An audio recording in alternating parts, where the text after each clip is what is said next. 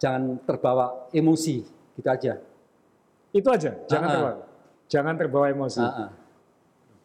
Nah kalau ngejar nanti kan terbawa Iya, emosi. Duh. Sesuai dengan kemampuan. Oh iya iya. iya. Sesuai dengan kemampuan. Jadi kalau ketemu kohai di jalan, jangan nafsu nyalip ya kohai ya. ya. Ya kalau mampu ya silakan, kalau tidak mampu ya udah.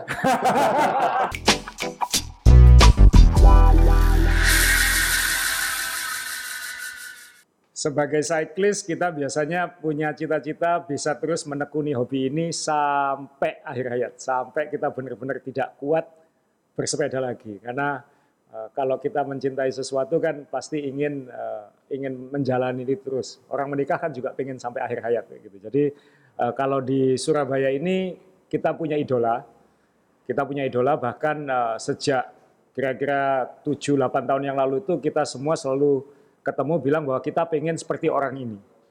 Malah ada salah satu teman dekat saya itu bilang gini, Srul jangan sampai capek sepedaan ya, supaya nanti kita kalau tua bisa seperti orang ini. Eh ternyata dia nggak sampai tiga tahun kemudian dianya sudah nggak goes lagi gitu. Nah sedangkan saya masih Alhamdulillah masih goes dan moga-moga bisa terus goes. Dan memang cita-cita saya adalah kelak seperti orang ini. Belum tentu bisa, tapi moga-moga kelak bisa. Umurnya sudah lebih dari 70 tahun, goesnya masih luar biasa, saya masih ditempel kadang kalah, dan ini orang yang menginspirasi. Kalau di Surabaya saya kira banyak orang di Indonesia juga kenal dengan orang ini. Ya Om ya? Ya, ya sangat sangat. Saya dulu sebelum tahu secara pribadi itu eh, sudah dengar legendanya, legendnya. Oh legenda ini. Iya, 10 tahun yang lalu itu waktu saya sudah mulai ngotot sepedaan. Ngotot saya waktu dulu 30 kilo. Iya. Ya, waktu dulu. Nah, itu ada cerita, "Wuh, kamu kalau mau itu ada orang tua itu kuat. Tiap hari keluar harus 100 kilo baru pulang rumah." Hmm. Nah, ini orangnya. Wah. Kohai, ya, tadeng. Ya, Jadi ini saya kami datangkan Kohai ke kafe ini untuk menjelaskan dan ini bukti nyata, bukan isapan jempol ya. Jadi eh, Kohai ini membuat saya jadi RC di event Bromo. Jadi road captain ya. Ya, jadi Kenapa Pak? Jadi inspirasi kamu jadi Ya, RC? soalnya waktu event Bromo itu kan biasanya teman-teman tuh kepingin bertanding. Pengen balapan ya. pengen balapan di Bromocom itu ya. Iya. Nah, saya ada pilihan untuk maaf mencuri umur kan. Nah, Iya. Mencuri itu kan ada mengurangi Iya. atau menambah umur kan Iya. begitu kalau di lomba-lomba itu biasanya kan begitu. Kalau mencuri mengurangi nggak mungkin saya.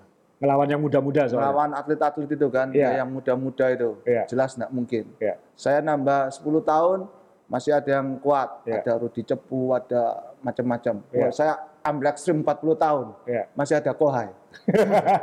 Dan saya tetap kalah gitu. Daripada saya sudah tahu bakal kalah, ya ya sudah saya jadi RC aja yang paling belakang. Jadi paling enggak rombongan Bromocom itu finish gitu maksudnya. Masalahnya Kohai juga jadi RC Tapi di depan. di depan. Iya. ya, Jadi ini kita perkenalkan eh, Kohai, eh, panggilan akrabnya kalau di Surabaya. Eh, semua orang sepeda di Surabaya kenal Kohai. Kalau nggak kenal Kohai berarti pura-pura orang sepeda. ya enggak pernah sepedaan. Berarti ngaku-ngaku aja itu berarti kalau nggak kenal Kohai. Eh, jadi selamat datang Kohai di WZKP. Ya.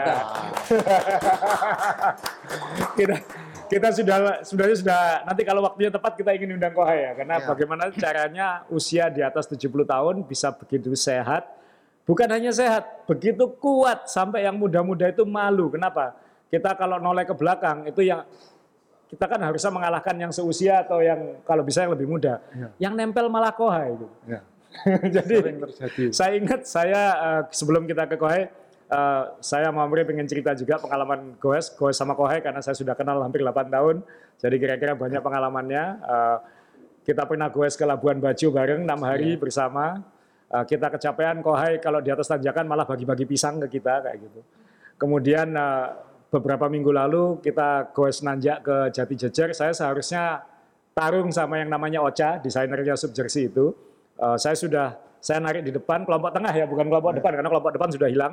Saya narik kelompok tengah. Saya pikir pokoknya Ocha harus copot, Ocha harus copot kayak gitu. Dan saya hanya fokus ke depan. Saya dengar kok nggak ada suara apa-apa, saya lihat ke belakang, loh malah Koha yang di belakang saya gitu. Onyanya hilang. Ocanya sudah hilang gitu. Oh. Terus kohainya yang malah bilang, Ocha sudah copot mas kayak gitu. Jadi saya noleh ke belakang malah yang ngomong kohai, Ocha sudah copot mas. Wah ya tapi Ocha memang copot, tapi kohai nggak copot. Jadi itu malah bikin saya stres lagi gitu. Kalau Raymond ceritanya apa? Kohai? Kalau saya ya gimana ya? Kalau kok ini menurut saya tuh luar biasanya itu anunya juga asupannya. Asupannya ya. Ya, wah itu sepedanya itu enggak ringan. Kalau kita kan bingung botol minum dititipin Marshall ya, diminum dulu komponennya yang ringan-ringan. Kalau kok ini enggak ada pompanya, ada bajunya, ya, ada tasnya gitu. Ya, masih belum ya nanti diceritain itu bekal-bekalnya Koha itu ya. Dan itu masih kuat gitu ya. Jadi ya benar-benar panutan lah buat kita yang lembeng-lembeng manja-manja ini ya. gitu. Jadi bisa lihat Koha ini Ya. sepedanya sudah ringan Ya. ditambah berat gitu. Jadi Iya. dan masih bisa. Jadi dulu Kohai jadi itu terkenal pakai sepeda besi, eh, Thomas ini ya Kohai Thomas ya. ini. Itu ketika kita goes ke Banyuwangi pun ya masih ngebrek-ngebrek ke depannya gitu. Akhirnya waktu itu sama teman-teman kita di WNC kita eh, kasih kado Kohai frame WNC waktu itu. Iya. Tambah kuat lagi, jadi kita dalam hati malah ditambahi berat kan ya, Iya. malah ditambahi tas segala macam dan masih ninggal kita gitu. Kemarin siapa yang ngasih ide ngasih Kohai frame lebih cepat ini bilang gitu. Tahu gitu kasih sepeda yang lebih berat Kohai ini, jangan dikasih yang ringan gitu. Jadi eh, benar-benar idola dan ini teman-teman Kohai begitu tahu Kohai kita undang, ini titipan pertanyaannya langsung banyak ini. Mungkin kalau di jalan sungkan nanya sama Kohai kan, obatnya apa, minumnya apa kayak gitu. Tapi ini eh, mereka sampai titip pertanyaan ini ya. Jadi eh, Kohai, monggo nama lengkapnya adalah Go Sik Hai. Gosik Hai, Hai Laut ya. Ya, Hai Laut. Jadi eh, eh, Kohai ini usia 71 jalan. lahir Eh, 1950, 1950. Boleh tahu tanggalnya Kohai? 16 Mei. 16 Mei 1950. Ah, 50, mon. Ya, ya ini setara sama orang tua saya. Ya, lebih tua dari orang tua saya.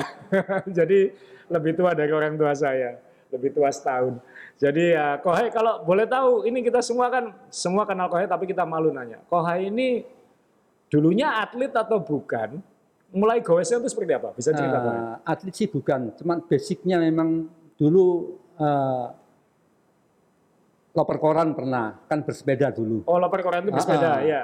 Terus loper susu, susu sapi dulu kan kemasan pakai botol. Iya. Itu goesnya kurang lebih ya tiap hari 30 kilo, tiap pagi. Tiap pagi. Eh, dan lagi kalau teman-teman goes itu pakai istilahnya morning call ya. Kalau saya sudah terbiasa bangun pagi, jam 3 udah bangun. Soalnya dari perusahaan susu itu pagi jam 3 udah apel rumah, tayang. Oh, Jadi dikemasi ke botol, ya. udah saya keliling, kirim susu keliling. Tiap pagi itu. Jadi nggak usah morning call kalau ada teman-teman mau goes, tiap pagi jam 3 udah bangun. Jadi skala jam 3 pa- bangun, buat kopi, Ya. sama telur rebus, snack, terus senam, senam pagi, senam lantai, sesuai dengan kemampuan lah. Kalau Saya kan kena ini, lutut. Jadi kalau senam jadi nggak eh, diusahakan supaya nggak ada beban lutut, jadi senam lantai tidur.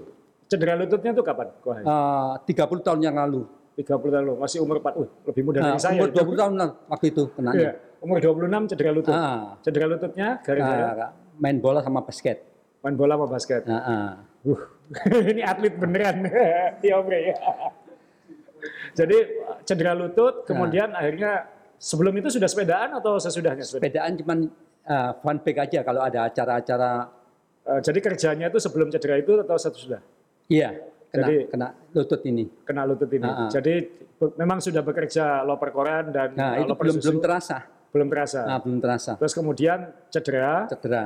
terus habis itu sepedaannya justru habis Nah, justru sepedaan ini membantu untuk menguatkan otot-otot kaki. kaki. Ya. Sebenarnya kurang lebih cerita kita sama Kohai. Saya juga Iya. cedera lutut, main sepak bola, tapi kemudian bersepeda. Cuman ya belum tentu teruji bisa sepanjang Kohai kayak gitu. Ya.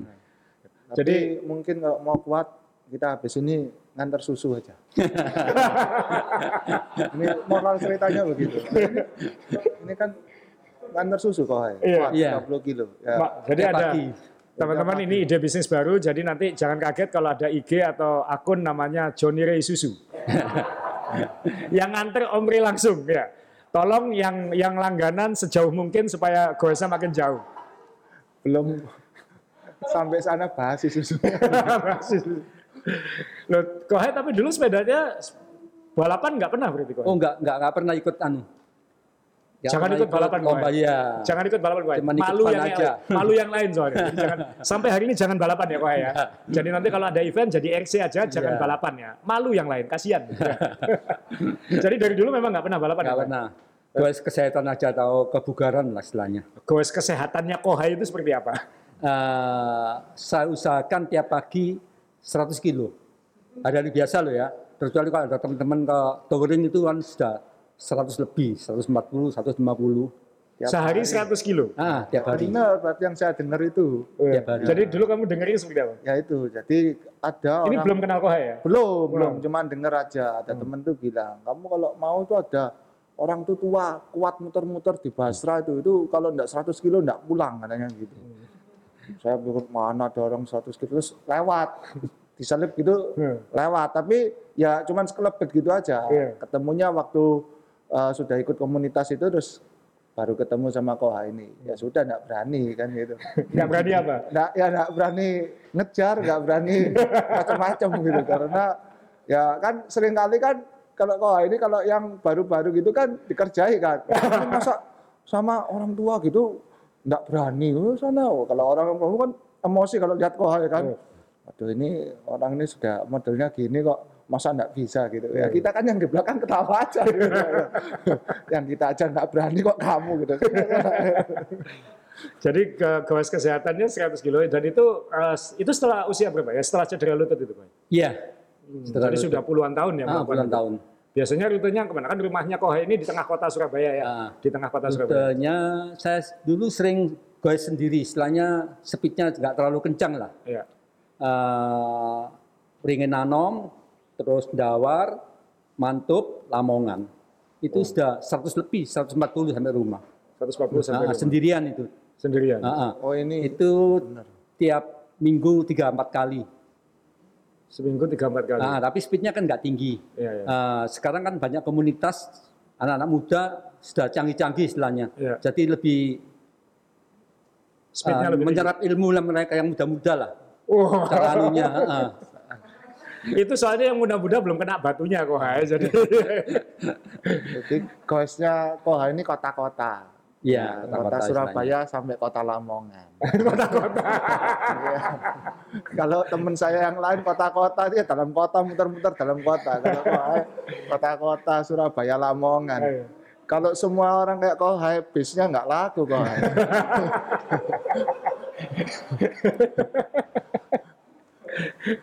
Jadi kalau boleh tahu Kohai kan banyak juga orang yang nanya kan, lo Kohai dulu itu eh, bekerjanya apa kok bisa goesnya jauh-jauh terus keluarga seperti apa kayak gitu. Eh, dulu kalau ada teman-teman ngejak touring, saya nggak pernah izin sama orang rumah. Hmm. Soalnya kalau izin udah sama teman-teman udah janjian ke luar kota, Ya. ternyata, ternyata orang rumah nggak nggak setuju. Hmm. Usah lah keluar kota, bahkan nggak enak. Ya. Jadi mending goes saja. Ah, ah, goes saja. Ya sekali lagi ya lebih gampang minta maaf daripada minta izin. Nah, Ya, ya. Kohai melakunya ya, ternyata ini ya. Dulu kalau touring saya berangkat duluan ke Gunung Kawi atau ke Sumeneb lah. Ya, Dulu kan belum ada HP. ya, Saya nggak izin orang rumah, teman sudah siap bekal. ya, Pasti kan bermalam di sana. ya. Sampai sam, ah, sampai Pamekasan kan dulu ada banyak wartel. ya. Saya ngebel melalui wartel itu. Oh, saya udah di di sini. sana. Duh, maka itu nggak pulang-pulang. Iya, saya bermalam. Soalnya kalau izin nggak boleh. Iya. Dan itu zaman merdeka nggak ada HP itu ya, Iya. nggak bisa di tracking ya kan. Kan saya juga ada tuh yang istrinya mantau sampai ngikuti strafanya tuh kan Iya. bener nggak goes ke sana kayak gitu. Mas, ini berarti banyak orang minggat mas. banyak cyclist minggat ini. Makasih kok. Nggak Kohai, tadi pertanyaan saya Kohai. Kohai dulu, eh, ya Kohai sekarang kan sudah sudah sepuh, udah, udah pensiun. Jadi dulu eh, kan banyak yang nanya juga, Kohai dulu pekerjaannya apa? Mohon maaf Kohai, kalau boleh Iya. tanya kayak gitu. Dulu ya pernah megang angkot lah. Oh. Angkot, terus eh, peracangan lah istilahnya di rumah itu. Ya terakhir ya itu kirim koran sama lapar susu. Lover susu. Ah, ah. Jadi ya, memang terbiasa kerja Ah, kerja repot ya, kerja kerja keliling jalan lah. ya. kerja di jalan ya, kerja di jalan. Jadi tapi ya bagaimanapun ya Om Rey ya, gowes sehari komit seperti itu. Awal-awal dulu berarti istri tidak setuju atau keluarga tidak setuju atau apa? Waktu itu kan nggak begitu anu konsisten goesnya. Cuman kalau ada funback, funback kan tiap minggu ada ada acara pembukaan real estate atau Indomaret atau Alfa mesti ngadakan funback pasti ikut. Di luar kota pun saya berangkat. kalau di ada urutannya Kabupaten Lamongan, saya berangkat. Saya goes dari Surabaya, Sabtu, goesnya kan acaranya kan Minggu. Iya. Saya cari lah istilahnya losmen lah yang murah-murah. Iya. Berangkat sendirian goes sampai sana ke losmen. Minggunya ikut acaranya mereka. Goes ke Jadi acara fun back-nya itu recovery rate ya kok. Iya. Capeknya sehari sebelumnya. Ya, boleh tanya kok, itu kalau dapat kulkas di Lamongan, Mbak, pulangnya gimana? selama ada fun bag ngikuti fun bag nggak pernah dapat. Cuman senang. Ada kesenangan aja lah. Ada kesenangan. Ah, Kalau tidak pernah dapat kulkas Nggak TV pernah. itu enggak pernah. Oh, Coba tadi kalau dapat pertanyaan jawabannya mungkin seru ya, Bre. tapi saya waktu ikut kita pernah dapat ya Pak ya? Iya, Yang di Bali. Di, di Bali. Iya. Di Bali. Dapat sepeda. Sepeda. waktu itu saya. Urutannya ini uh, Udayana. Udayana, Kodam Pang- Udayana. Pangdam Udayana. Jadi dapat dapat hadiahnya sepeda juga Sepeda. ya, Kok ya. Ah. Jadi kalau TV, kulkas nggak berlaku buat kok. ya. kalau hadiahnya sepeda baru dapat kayak gitu. Waduh, berarti pernah anu nggak kok? Maksudnya kan eh, saya sendiri merasakan kalau goes pertama goes kan pasti kecentang misalnya antara aduh eh, kok apa? Saya tidak bisa jadi kuat-kuat, butuh waktu kan untuk Iya. untuk benar-benar bisa kuat itu. Pernah atau kohe memang nggak mikir ya goes saja kayak gitu. Uh, pernah diajak teman-teman ke Bromo waktu itu. Ini Ya. kapan kok? Kira-kira sebelum ketemu kita kan? Iya, Sebelum- sebelum ah. Sampai di Puspo itu habis, nggak bisa muter. Aduh, Pak, nggak bisa muter kayaknya. Loading aja kok sama ini. Boleh saya sebutkan? Boleh, Roy, apa, iya. Roy Akas. Iya, Regas Nah, ya. Itu salah satu saya. senior sepeda juga di Surabaya. Ah. ya. Ya. Dia habis kalau mobil. Ya Iya. loading aja kok daripada anu ya loading. Hmm. Pertama ikut ke Oh. Bromo itu. Kohe juga pernah loading. Bener saya. iya, Kohe aja loading. Dulu tapi. Dulu tapi. Jadi tapi habis itu kan Kohai ini saya kenal Kohai sudah kuat gitu. Iya. Nah kalau waktu itu masih loading berarti Kohai ini jadi kuatnya sudah umur 60-an berarti. Iya, empat bulan udah udah konsisten lah latihannya. Ya, ketemu ke- teman-teman yang komunitas sepeda ini lebih terarah lah latihannya itu. Ah, penting ikut komunitas ya. Jadi meskipun Kohai ini puluhan tahun bambung di jalan sendirian, tetap lebih terarah kalau ikut komunitas. Ah, betul. Ya, lebih terarah. Ada yang istilahnya ada yang mandu lah. Mandu atau manasi Kohai? Enggak mandu. Kalau di depan nggak nggak nggak biasa narik istilahnya. Lebih baik gandol aja. Kalau pengalaman Kohai Gowes selama puluhan tahun ini, yang paling berkesan, yang paling eh, yang paling apa ya, paling dikenang itu Gowes ngapain waktu itu? Eh, di Labuan Bajo, Labuan Bajo yang sama saya. Ah, ah. terus di ini Pujon waktu itu. Ah, Pujon itu istilahnya kala kala senjata, kala sepeda. Saya pakai mountain, mereka pakai RB. Sampai di Ngantang itu, waduh, ketinggalan jauh saya sama, waduh, nggak mampu. Ya terpaksa loading Oh. daripada ketinggalan jauh. Kohai jangan sering ngomong loadingnya di sebelah ini sebenarnya. Tapi waktu itu pakai mountain bike, Iya. lawannya pakai road bike. Pakai road bag, Oh, enggak, jauh saya ketinggalan. berani ikut. Saya nggak mau dikasih mountain bike terus suruh ikut kalian naik apa? Naik road bike. Ya. Wah, ya sampai Sidoarjo sudah bengkak kaki.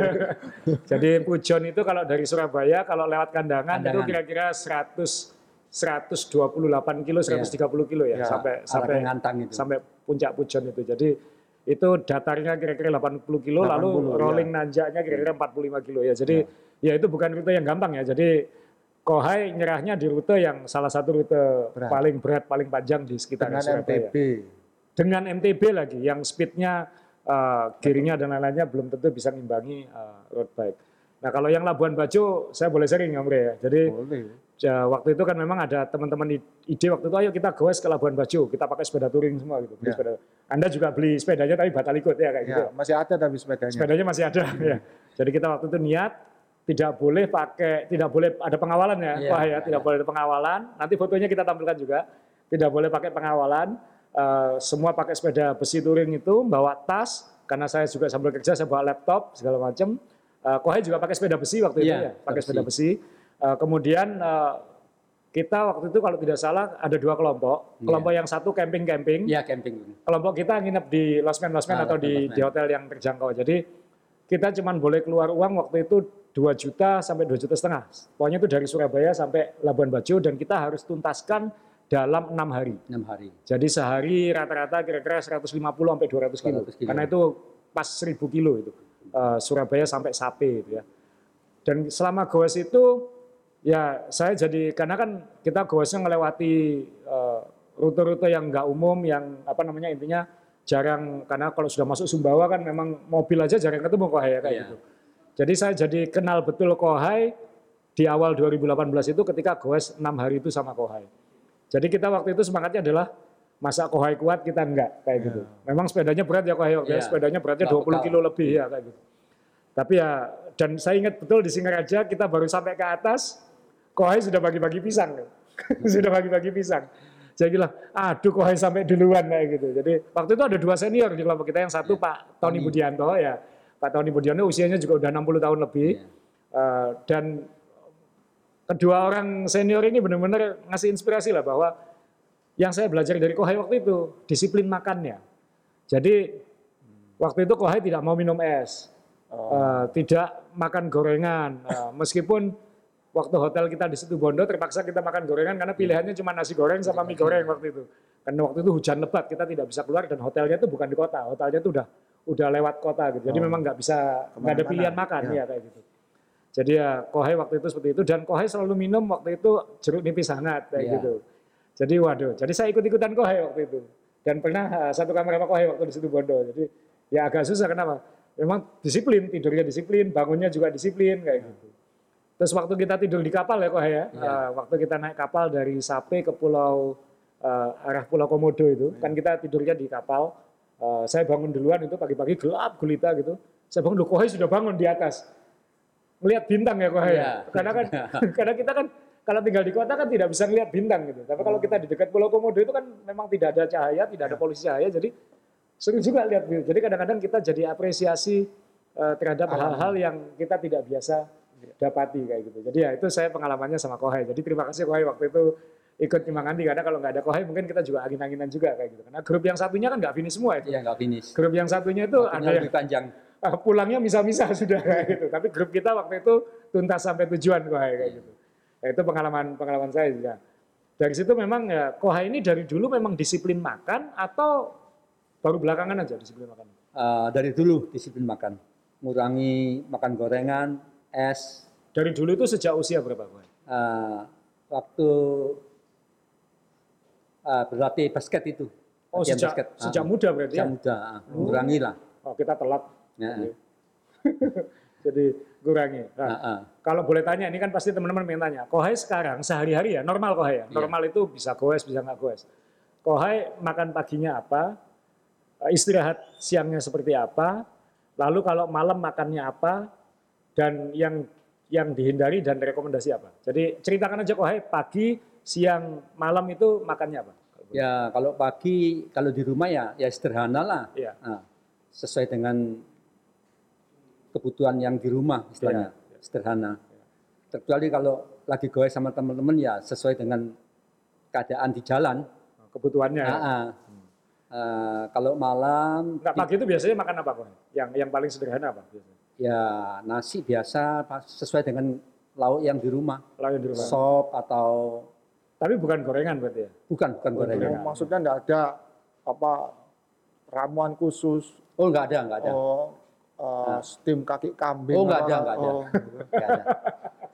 Kalau goes, mama saya mesti bawa tas. Itu mesti bawa quicker. Quicker. Quicker itu uh, Havermut ya. Ah, hormat, ah, anu, ah, oatmeal ya? Ah, oatmeal ya, oatmeal. Oh itu selalu dibawa ya Pak? ya? Iya. Nah itu yang teman-teman tanya kok, ini ada Iya. pertanyaan tadi teman-teman di WA. tanyakan kohai kohai itu selalu bawa kantongan isinya Iya. makanan. Tolong tanya isinya apa kan? Iya. eh, ini terjawab sudah bahwa isinya adalah havermut. ya. Havermut. Nah, Iya. Buatnya eh, kalau ada jadwal touring itu malam saya buat saya masukkan di flasher Nah, beku toh. Iya. Jadi pagi mau gue saya taruh tas itu. Makannya gampang gitu. Ah, ah, gampang toh. Sesuai dengan jaraknya yang mana jauh ya mbak buat dua dua kantongan. Jadi sambil jalan sambil di dihisap gitu aja. Jadi itu isinya havermut ya, bukan makanan aneh-aneh kalau dia nanya. nah, kalau kalau siang makannya lebih bebas atau makan ke makan Ya apa? sama sesuai dengan menu pagi itu nggak ada menu lain lagi. Enggak ada. Jadi Ah, ah. nggak milih-milih Nggak sebenarnya. nggak milih-milih. Pokoknya hindari gorengan, Gorengan. sama nggak minum es ya kok ya. Iya nggak minum es. Nggak minum es. Susah Omri. Iya. saya baru Soal makanan Omri ada pertanyaan lagi. eh, bingung karena dari tadi saya pikir tuh ini kok banyak yang nggak boleh ya. Saya kira tadi mulai eh, apa biasanya orang kalau eh, sudah berumur itu kalau ditanya ya saya sudah mulai kepala 50 itu mulai makan yang sehat-sehat. Wah, saya masih ada kesempatan berapa puluh tahun.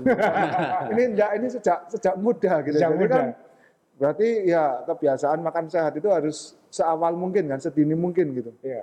Nah, jadinya fisiknya bisa prima sampai eh, sampai sekarang kan gitu ya. Iya. Mulainya sudah dari dulu toh Kak, ya, sejak Iya. basket itu ya. Ya, kita makannya ya yang nggak karu-karuan ya. Segala macam yang ada jeroan dan di mana dimakan, digoreng dan berminyak.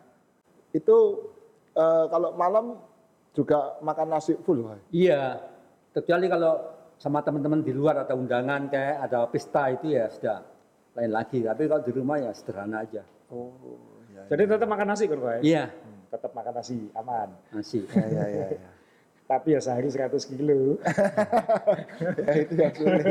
Kalau sudah capek itu 20 aja kemeng. ya. So, sekarang uh, istri kohai, anak-anak kohai sudah terbiasa ya dengan dengan kohai setiap hari keluar gitu ya, sudah nggak pusing ya. Eh, kalau keluar ya sudah biasa. Cuman kalau keluar kota touring kalau nggak ada temennya nggak boleh. Oh, Nah, jadi kalau ada acara event-event touring ya dapat dapat izin lah istilahnya. Oh. Nah ini kan kita sekarang bikin podcast di tengah pandemi ya kohai ya, karena kita paham lah uh, COVID ini yang paling mengkhawatirkan adalah kalau kena yang senior. Iya. apalagi usia 50, 60, 70 ke atas seperti kohai. gitu. Nah kita paham kan waktu itu waktu awal-awal pandemi ketika kita goes, kohai memang masih sempat lama nggak keluar ya kohai. Iya. sempat mungkin sebulan atau hampir Iya. dua bulan nggak keluar kohai Ah. waktu itu. Uh, tapi kemudian lama-lama kohai nggak tahan juga ya. Iya, betul. Akhirnya keluar dan uh, kalau teman-teman lihat di kamera sekarang kohai pakai helm yang ada visornya dan ada ada ya ada kacanya ini. Nah, kohai kalau goes sekarang sejak pandemi ini dia selalu pakai slayer, pakai apa uh, apa namanya itu uh, gaiter apa Buff. buff, pakai buff atau pakai masker lalu dilapisi lagi pakai pakai shield itu Iya. gitu. Pasukan nanti huru hara. Jadi seperti goes pasukan anti huru-hara kata kata Omri. Nah ini sempat takut nggak Kohai? Eh, ketika Kohai memutuskan ah saya tetap goes keluar itu kenapa Kohai? Kan banyak orang mungkin bilang udahlah jangan keluar, jangan keluar. Gitu.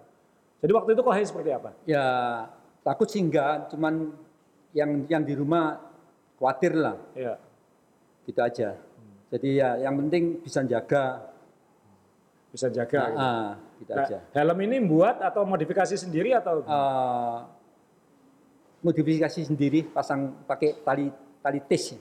oh pakai kabel tis? nah kabel tis ya, Iya. gitu aja. Jadi Oh, nggak jadi sampai ini- ganggu, nggak nggak ngerusak helmnya. Ya, jadi ini Kohai helmnya bikin sendiri dalam tanda kutip ya, maksudnya mengkombinasikan helm sepeda dengan helm motor kayaknya itu Kohai. ya. Eh, ya ini sejak ada pandemi ini banyak orang jual ini. Oh banyak jual helm Ah. shield itu ya? Ah, ya. Oh. Omri perlu ditiru kayaknya. Oh, nggak pakai gitu aja nggak nggak banter-banter kok gitu. Nah, jadi syukur alhamdulillah sampai hari ini masih sehat ya Kohai ya kayak gitu. Sehat. Dan memang Kohai memang jaga kok. Kalau misalnya kita goes, kelompok kita kan memang Omri kan kita selalu berusaha ya kayak gitu. Misalnya saya paham Kohai kalau misalnya kita lagi istirahat kumpul Kohai biasanya tidak ikut kumpul di tengah biasanya. Kohai biasanya agak agak memisahkan diri di pinggir. Kemudian sering Kohai berangkat duluan, Ya. ketika pulang eh, kadang nggak kekejar, kadang kekejar. Ya. Eh, jadi kadang Kohai ini memang berusaha tidak tidak mengelompok ya Kohai. Kita, kita memahami lah ketika Iya. Kohai berangkat duluan kita punya Kohai memang sudah sudah usia jadi kita memang agak respect agak hati-hati sama Kohai kita agak menjaga yang yang lebih-lebih senior ini gitu. Dan ini bukan hanya Kohai, memang beberapa teman kita juga yang memang nggak pede ya memang agak agak menjaga jarak kayak Ya. gitu. Jadi ya mungkin ini bisa ditiru apa yang dilakukan Kohai eh, yang senior-senior ya ya lakukan seperti Kohai ini gitu. Jadi ada pertanyaan apa nih Om Rey yang dari teman-teman yang biasanya takut nanya ini?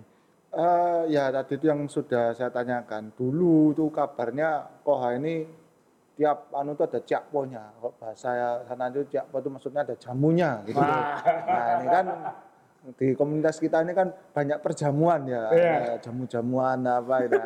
yang dititipi teman-teman tuh tanya saya, Om tanyakan Om apa rahasianya tuh kok bisa kuat gitu? Ya maksudnya secara makanannya itu apa? Yang khusus ya seperti tadi yang saya tanya itu ada kalau zaman dulu itu kan ada orang yang di apa ngekum Iya, apa eh, anak itu. eh, anak anak apa anak kijang atau anak apa Loh, iya kan kan gitu kan ya. Yang semua barang-barang sehat dimasukkan di situ kan ada yang seperti gitu tanyakan um katanya minum gituan biar kuat gitu Tanya. Nah, ini tadi makanya Jangan lihat aku, lihat Kohai. waktu touring maupun sering goes sama teman-teman itu banyak yang nggak kenal lah. Iya. Misi ada yang manggil engkong, ada yang manggil mbah, mbah. Jamunya apa mbah? Loh saya nggak pakai jamu-jamuan, yang penting rutinitas saja, gitu aja. Yang penting rutinitas. Nah, saja. rutinitas saja, nggak nggak pakai jamu-jamuan. Kamu kecewa atau senang mendengar jawaban itu? Se- senang kalau saya Kenapa? soalnya saya tidak perlu bikin ramuan seperti itu Kohai pernah eh, saat sepedaan pernah cedera atau pernah eh, kecelakaan atau? Ya pernah jatuh. Waktu itu kan tasnya itu eh, setelah ada event Bromo, Iya, saya tasnya kan titip sama teman-teman Marsal itu. iya. Nah, terus dia kontak, oh hai, tasnya nanti diambil di Laguna ya, oh siap gitu. Nah, itu kan nggak- kondisi kosong tasnya nggak ada isinya. Iya. Saya taruh gini aja, Iya. nggak saya pasang klipnya itu. Oh, Eh, jalannya santai, tahu-tahu masuk ke forknya ini terbalik. aduh, Ya ini dulu kena. kena. Ini Padahal baru baru, jalannya baru aman. ini. Iya, iya. Dua tahun yang lalu. Dua tahun yang lalu. saya ingat karena eh, itu adalah saat-saat indah buat saya Kenapa? saya bisa nyusul kohai waktu itu karena kohai pemulihan waktu itu Oh, iya. mulia waktu itu. Waktu itu. Oh. Jadi sekarang enggak kamu hanya bisa nempel kohai saat kohai pemulihan ya. Iya. Nah, saya juga stres. Tapi bukan berarti anu loh ya, bukan berarti saya senang ya jatuh ya. Waktu itu saya kaget. Loh saya sendiri kaget loh, kok hai kok kok gini ya? Maksudnya kok kok saya bisa nemeni ya terus kok hai cerita oh baru jatuh saya enggak berani kenceng-kenceng waktu itu. Karena waktu biasanya kok hai ikut ngejar waktu baru-baru itu kan agak ngelos ya Pak. ya. Oh, Iya. agak enggak terlalu berani. Tapi sekarang sudah berani lagi. Jadi ya sudah. Jadi kamu baru bisa bersaing dengan kohai ketika kohai pemulihan. Ya. Saya ini kalau nggak fit pasti kalah sama kohai. Oh. dan dan untuk bisa target kita kan pokoknya jangan sampai disalip kohai, jangan sampai disalip kohai kalau yang di tengah depan itu gitu. Jadi Ya, ya, itu tadi pengen ngedrop yang lain malah ditempel kohai. Itu hari ini pun mungkin saya masih kalah sama kohai dalam kondisi fisik saya sekarang. ya. Saya akui saya sekarang kalau nanjak masih kalah sama kohai untuk situasi sekarang. Jadi itu memotivasi supaya jangan kendur latihannya, jangan kendur latihannya. eh, eh, sebisa mungkin jaga makan ya gitu. Jadi kenapa kalau enggak disalip kohai lagi ini. nah, kohai eh, ada pesan-pesan nggak buat buat pemula atau buat ya orang yang kan sekarang banyak orang baru mulai goes kan kohai. Iya. Nah ini ada pesan nggak kan kebanyakan mungkin tidak akan lanjut goes, tapi sejumlah orang akan jadi kayak kita gitu, yang yang yang sangat seneng goes. Kalau Kohai punya nasihat buat cyclist-cyclist pemula ini apa? Eh, buat siklis-siklis pemula itu kalau bisa jangan ikut istilahnya breng-brengan dulu. Soalnya saya pengalaman saya lihat teman-teman yang ikut breng-brengan nggak lama, 2-3 tahun udah down. Udah down. Iya, down mentalnya atau Jadi sebaiknya bagaimana Kohai? ya sesuai dengan kemampuan aja gitu. Jangan sampai ikut temannya kenceng ikut ngebreng terus akhirnya nggak lama. Saya banyak yang pengalaman lihat teman-teman yang pemula-pemula itu yang ikut breng-brengan itu nggak justru mereka yang bertahap, Iya, yang anu itu bertahap. lebih awet ya. Lebih awet ya. Ya, ya benar juga sih. Ya, benar ya. Benar. Ya, benar ya. Jadi memang ada banyak sekarang eh, yang saya dapati ini banyak pemula oh, nafsu ya kok ya. Iya. Karena dia lihat oh sudah banyak yang kuat, aku pengen ikut. Wah, sepedanya ini aku pengen sepeda yang yang paling cepat segala macam.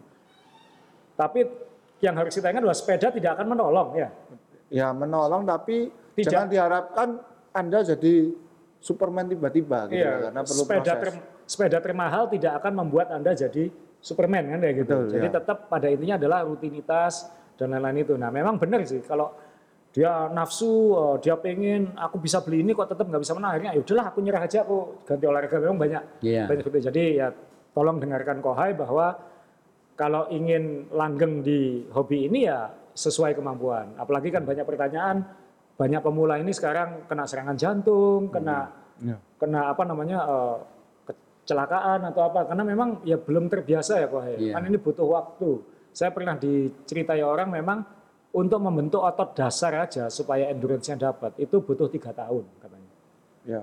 Dan itu saya sadar benar juga sih, karena sekarang saya relatif nggak pernah kram, hampir nggak pernah kram kecuali saat ekstrim. Tapi dulu memang dikit-dikit kram kayak gitu, jauh dikit kram. Jadi ya memang butuh waktu.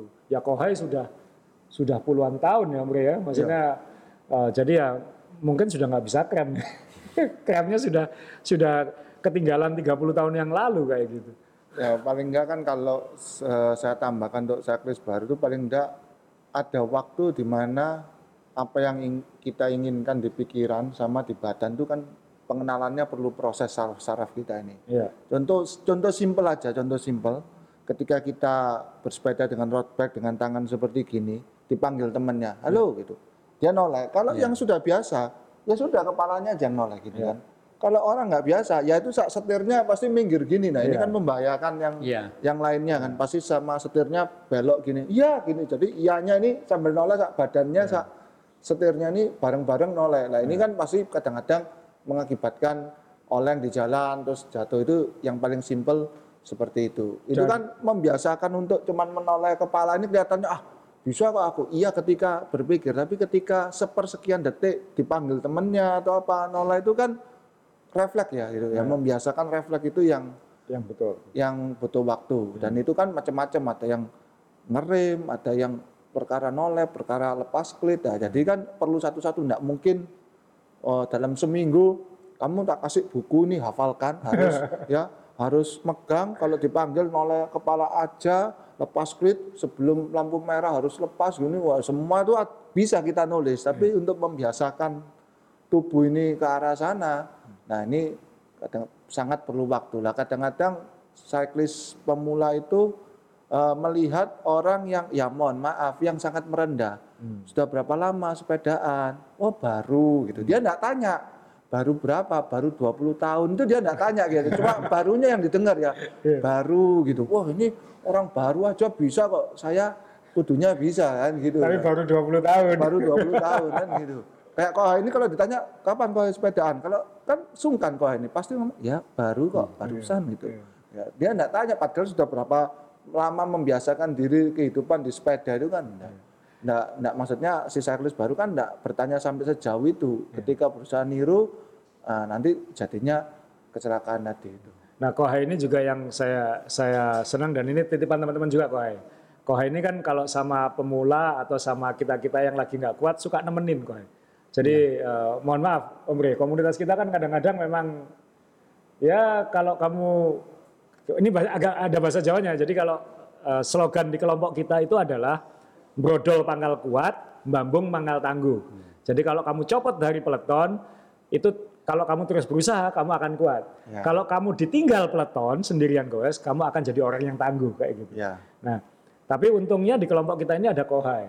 Jadi biasanya dengan setia menemani teman-teman yang copot. Saya nggak tahu apakah yang ditemani itu seneng atau tambah stres karena yang nemeni umur 70 kayak gitu. Jadi Dan sambil ngomong pasti kau. dan sambil ngomong itu dia. Nah, Kohai kalau ngelihat seperti itu kenapa Kohai? Kohai kan kalau mau taruh ke depan kan bisa-bisa aja. Kohai mau ninggal saya kan bisa kalau ditanjakan. Kenapa kok Biasa malah kalau touring sama teman-teman ke Surya atau ke Jati Jajar, begitu saya finish, saya mesti turun lagi. Nyisir yang belakang. Nah itu dia. Jadi yang lain finish minum-minum kok turun lagi. Saya, saya pernah ini ya. Kamu pernah jadi yang disisir ya? Enggak, saya enggak disisir. Waktu itu saya finish, Kohai turun kan. Ya. Saya mau finish, Kohai turun. Ya. Terus teman-teman nanya, loh tadi Kohai mana? Turun. As, enggak apa-apa. Enggak kenapa. Nanti kan balik lagi, naik lagi. Yang belum itu Bromo. Soalnya medannya agak ekstrim ya. Jadi kalau Gunung Kawi, Surya, Jati Jajar sering tiap finish pasti saya nyisir yang teman-teman yang di belakang. Kenapa kok? Kan tinggal aja biarin kok udah udah gede semua. kok. Ah, biar memberi motivasi mereka lah, biar bisa bisa finish. Kan biasanya kalau mereka udah anu udah down mentalnya. Jadi kalau saya temani kan seneng. Ya. Untung saya sudah finish. Ini ini lebih belakang lagi loh teman Iya.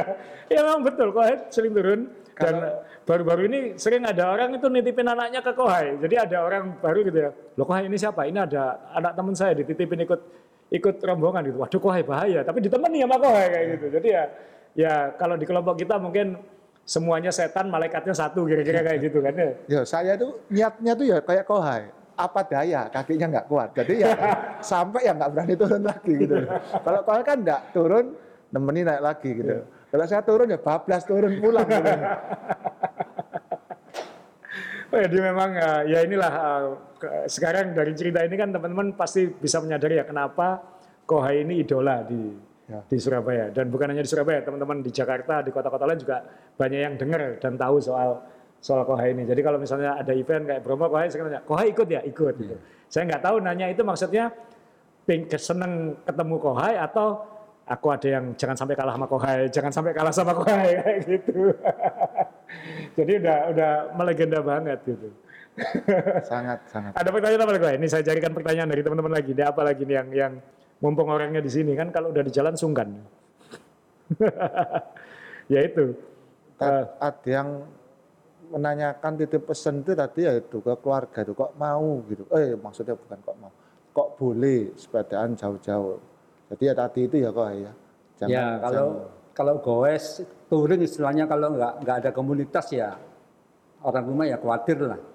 Kalau ada komunitas yang sama-sama barengi misalnya kan nggak nggak khawatir. Yang penting ada teman ya, Pak. Ah. Yang penting ada teman. Biasanya saya kan mesti sendirian ke Iya. Gunung Kawi, ke Sumeneb, jadi nggak nggak ada istilah istilahnya itu goes tunggal lah sendirian. Tapi dulu sering kan gue tunggal kan. Iya, Sekarang sudah enggak ya, sudah. sekarang nggak ada. Ya, sudah. Kalau ada teman-teman baru ikut. Kohai ini ada satu lagi ini yang nanya Ferry dari Kediri nih, Kohai. Nah, padahal ya sering ketemu, cuman dia sungkan nanya ini. Oh. Tadi kan Om Rey sudah tanya soal jamu, ya kan? Nggak ada. Nah ini tanya, biasanya orang kuat itu kan punya pantangan-pantangan ya. Ya, Nah, Kohai pantangannya apa? makan sate. Kalau sate nggak nggak ada pantangan lah. kalau, Oh, ada. kalau di luar loh ya, kalau Iya. makan makan sudah Oh, biasa berarti sesuai dengan susu. ah, teman-teman yang yang ngajak aja. Oh, jadi nggak ada pantangan ya? nggak Kohai? ada. Cuman kalau goes ke- kebetulan ke resto ke luar kota gitu mesti berhenti kan ada tamu-tamu resto itu atau restoran atau depot. Ya.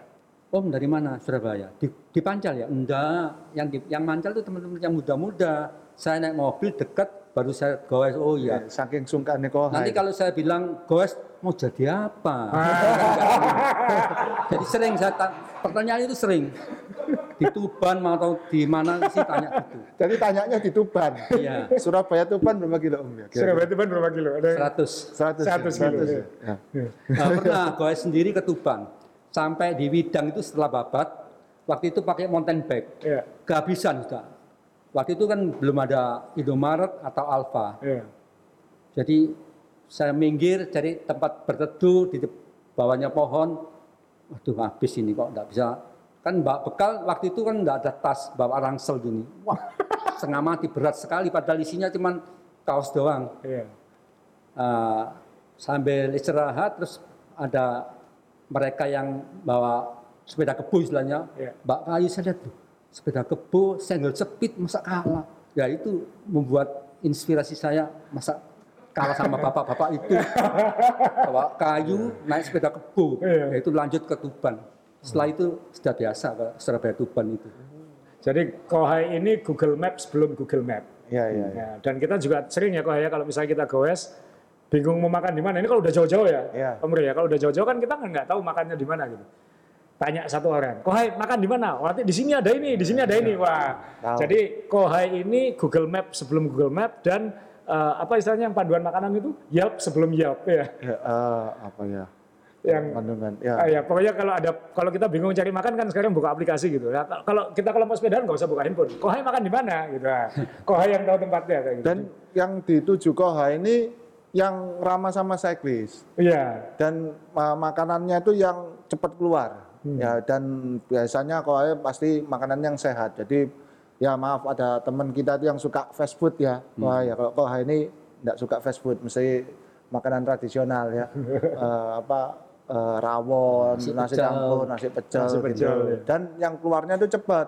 Kan ada tempat itu yang kelihatannya bagus tapi keluar makanannya lama. Jadi kita tra- eh, jengkel karena lu kok lama sekali? Padahal tamunya cuman kita kok keluarnya lama? Kalau Kohai bisa milih yang praktis gitu. Gitu duduk rawon dua menit langsung keluar. Kan lapar om. Jadi perlu yang cepat itu tadi.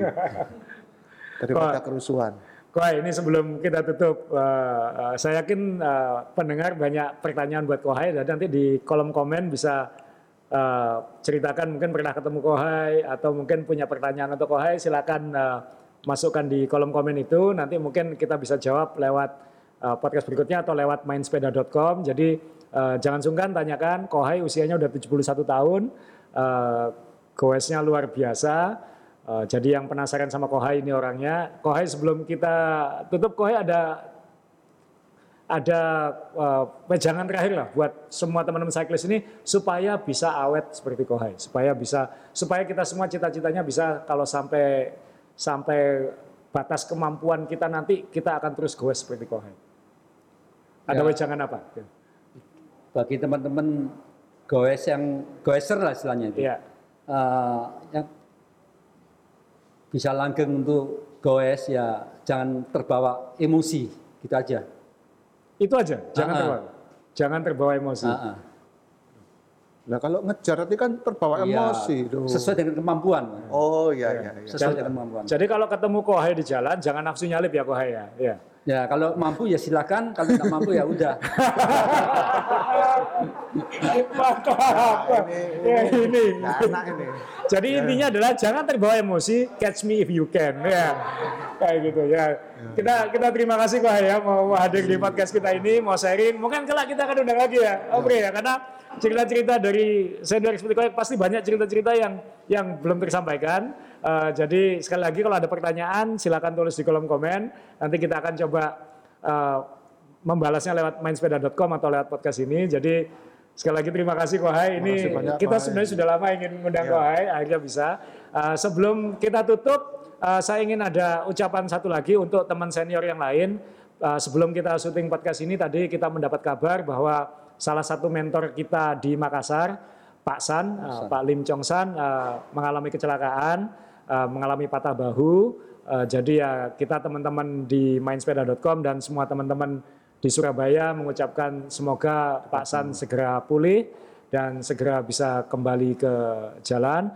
Ini juga uh, teman-teman di Makassar juga ingin kita mengingatkan lagi karena kejadiannya itu sesuai seperti apa yang pernah kita bahas di podcast itu.